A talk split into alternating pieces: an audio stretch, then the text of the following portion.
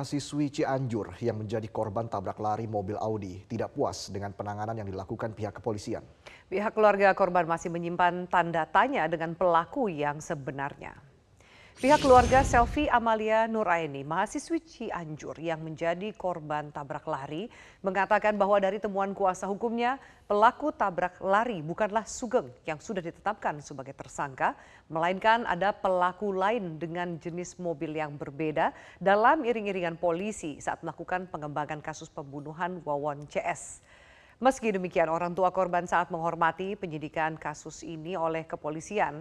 Nantinya temuan dua versi ini akan dibuktikan di persidangan. Keluarga berharap pihak kepolisian berlaku adil dan jujur dalam mengungkap kasus ini.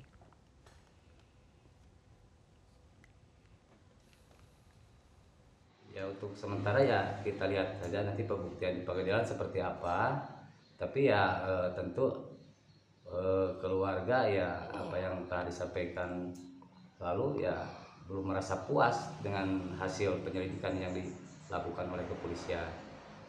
Ya karena satu hal e, masukan kita yang disampaikan oleh kuasa hukum juga belum ditindaklanjuti gitu pak. Apa yang menjadi ketidakpuasan e, terhadap proses penyidikan pihak kepolisian? Salah satunya bisa dijelaskan Pak Haji? Ya yang sering saya sampaikan di media bahwa eh, bukti yang ada pada kuasa hukum yang telah disampaikan tidak dilanjuti satu itu. Kedua eh, saksi-saksi lain yang mungkin eh, ada di tempat kejadian yang eh, mobil angkot itu kan sampai sekarang belum belum ketahuan gitu ya pak. Jadi saya kira kalau bisa ya walaupun ada ada penetapan tersangka ya untuk keadilan terus saja di, di gitu. Kasus dugaan tabrak lari yang menewaskan Selvi Amalia Nuraini, mahasiswi Universitas Surya Kencana Cianjur di Jalan Raya Cianjur, Bandung pada 20 Januari lalu hingga kini masih terus berlanjut. Kuasa hukum tersangka Sugeng Guru Gautama, pengemudi mobil Audi, bersikeras pelaku bukan kliennya sehingga akan terus melakukan upaya hukum. Meski pihak kepolisian sudah menetapkan status tersangka kepada Sugeng Guru Gautama, pengemudi mobil Audi, tim kuasa hukum Sugeng tetap bersikeras bahwa pelakunya bukan Sugeng dan diduga ada pelaku lain dengan mobil serta sopir yang berbeda dalam rombongan Polda Metro Jaya. Tim kuasa hukum menganggap hasil penyidikan dan penelusuran pihak polisi berbeda dari penelusuran kuasa hukum karena menurut pengakuan Sugeng dirinya tidak merasa menabrak selfie Bahkan Sugeng mengaku kebingungan dengan kondisi mobil saat dikemudikannya, jadi berubah setelah dijadikan barang bukti oleh pihak polisi. Nomor seri dan plat nomor mobil Audi yang dikemudikannya berubah. Selain itu di bodi mobil awalnya tidak ada lecet atau goresan. Namun kini jadi ada bekas goresan di bagian depan mobil.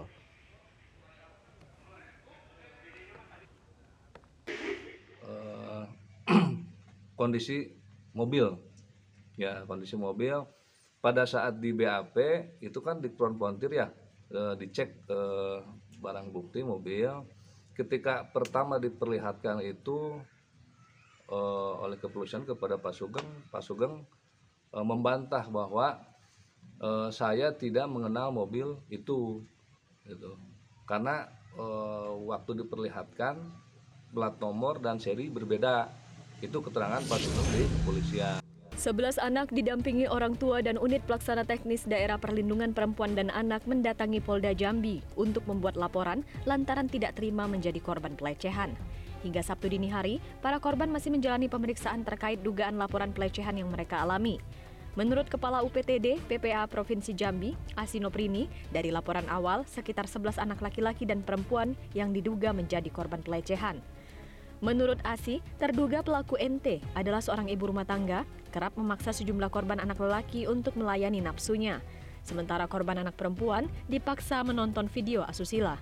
Berbekal laporan itu, kasus tersebut dilaporkan ke PPA di Reskrimum Polda Jambi untuk diusut. Hasilnya di kawasan Kubulunci. Di rumah pelaku sendiri? Iya, di rumah pelaku ada jualan, ada dua kemudian ada ada rental untuk dengan nanti kita ke depannya gimana? Kami tetap mendampingi dari PPA tetap mendampingi baik dari psikologisnya, kerjasama dengan Sementara itu, di Reskrim Polda Jambi Kombes Pol Andri Ananta Yudhistira membenarkan adanya laporan dugaan pelecehan seksual dengan korban anak di bawah umur. Dari laporan penyidik PPA di Reskrim Polda Jambi, tengah meminta keterangan sejumlah korban dan melengkapi bukti-bukti laporan. Di laporan awal yang hari ini datang, yang malam ini datang, ada 11. Ya, tapi tadi dalam uh, pemeriksaan dari orang tua itu bisa berkembang korbannya. Ya, tapi malam ini kita sudah mengambil keterangan anak-anak didampingi orang tua 11 orang. Itu laki-laki semua, Pak? Untuk yang 11 orang terdiri dari 9 laki-laki dan 2 perempuan. Diketahui, NT dan anak-anak ini tinggal dalam satu kawasan yang sama, dan NT memiliki rental video game di rumahnya. Aksi tersebut diduga dilakukan saat anak-anak yang tengah bermain game. NT menutup rumahnya dan memaksa sejumlah anak untuk mengikuti kemauan pelaku melampiaskan hawa nafsunya. Sementara, pengakuan salah satu dari orang tua korban, aksi pelecehan yang menimpa anak mereka tersebut sudah dilakukan berulang kali. Ya pemirsa lantas bagaimana hasil pemeriksaan terkait laporan dugaan pelecehan kepada 11 anak di Jambi? Untuk membahasnya sudah bergabung Direktur Reserse Kriminal Umum Polda Jambi, Kombes Pol Andri Ananta Yudhistira, dan Kriminolog Universitas Indonesia Adrianus Meliala. Dan dialog ini akan langsung dibawakan oleh rekan saya Valentinus Reza. Baik, terima kasih Alfi. Kita langsung bergabung ke Direskrimum Polda Jambi, Kombes Pol Andri Ananta Yudhistira. Pak Andri, selamat malam. Saya mendengar mas, selamat malam mas. Baik, Pak Andri sejauh ini bagaimana hasil pemeriksaan sementara terkait dugaan pelecehan ini? Apakah betul pelaku sudah ditetapkan sebagai tersangka Pak Andri? Ya betul mas, kami sampaikan pasca laporan dari tadi malam, kami sudah melakukan pemeriksaan secara maraton terhadap 11 korban, 9 laki-laki dan 2 wanita. Dari pemeriksaan kami dan juga kami sudah berkoordinasi langsung tim UPTD PPA Provinsi Jambi juga turut melaksanakan observasi terhadap para korban. Dan hasil pemeriksaan kami sudah memenuhi alat bukti untuk melakukan penangkapan dan juga melalui mekanisme gelar perkara kami sudah melakukan penahanan terhadap tersangka. Demikian Pak. Oke, sudah dilakukan gelar perkara ya Pak Andri. Proses pemeriksaannya seperti apa Pak? Mungkin bisa dijelaskan lebih jauh karena eh, apakah ada kesulitan yang dialami pihak kepolisian saat melakukan penggalian keterangan dalam proses pemeriksaan? Uh, baik Mas, jadi tadi malam kami pun langsung mendampingi pemeriksaan terhadap para korban yang juga didampingi oleh para orang tuanya. Alhamdulillah proses pemeriksaannya tidak terganggu sama sekali. Para korban menyampaikan secara konsisten dari apa yang dialami oleh para korban. Dan juga saat observasi oleh teman-teman dari PPA Provinsi Jambi juga kami juga mendampingi dan hasilnya kami lakukan gelar bersama dengan rekan-rekan sekalian. Prosesnya pemeriksaan berjalan dengan lancar dan tadi malam setelah fix bahwa keterangan dari para korban, kemudian kami melakukan langkah tahapan untuk mengamankan pelaku. Baik, barang bukti apa saja Pak yang sudah dikumpulkan pihak kepolisian sejauh ini?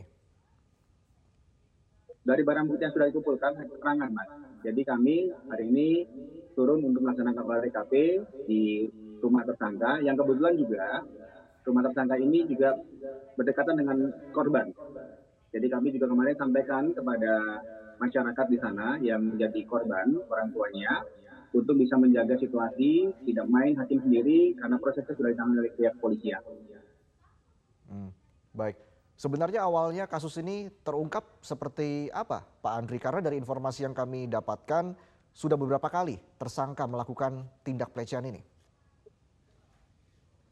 Betul Mas, dari keterangan para para korban ini terjadi sejak tanggal 24 Januari 2023. Tapi puncaknya pada saat kejadian di tanggal 2 saat anak-anak ini sedang melakukan uh, permainan yang datang ke satu ke rumah tersangka yang merupakan tempat penyewaan video game dan mereka di, secara bergantian diajak oleh tersangka untuk masuk ke dalam kamar tersangka. Yang saat itu tersangka hanya sendiri karena posisi suami tersangka tidak ada di rumah. Artinya suami dari tersangka tidak tahu kegiatan dari istrinya ketika memang anak-anak ini berada di rumah tersangka untuk e, menyewa video game itu. Tidak mas, jadi posisinya memang tidak tahu sama sekali karena memang rumahnya adalah rumah yang disewakan karena ada permainan video game di sana. Namun kami dapat keterangan dari beberapa korban satu saat di beberapa waktu yang lalu, tepatnya tanggal 26 kalau tidak salah, ya mereka ini dipaksa untuk menonton adegan uh, dewasa antara si tersangka dengan suaminya.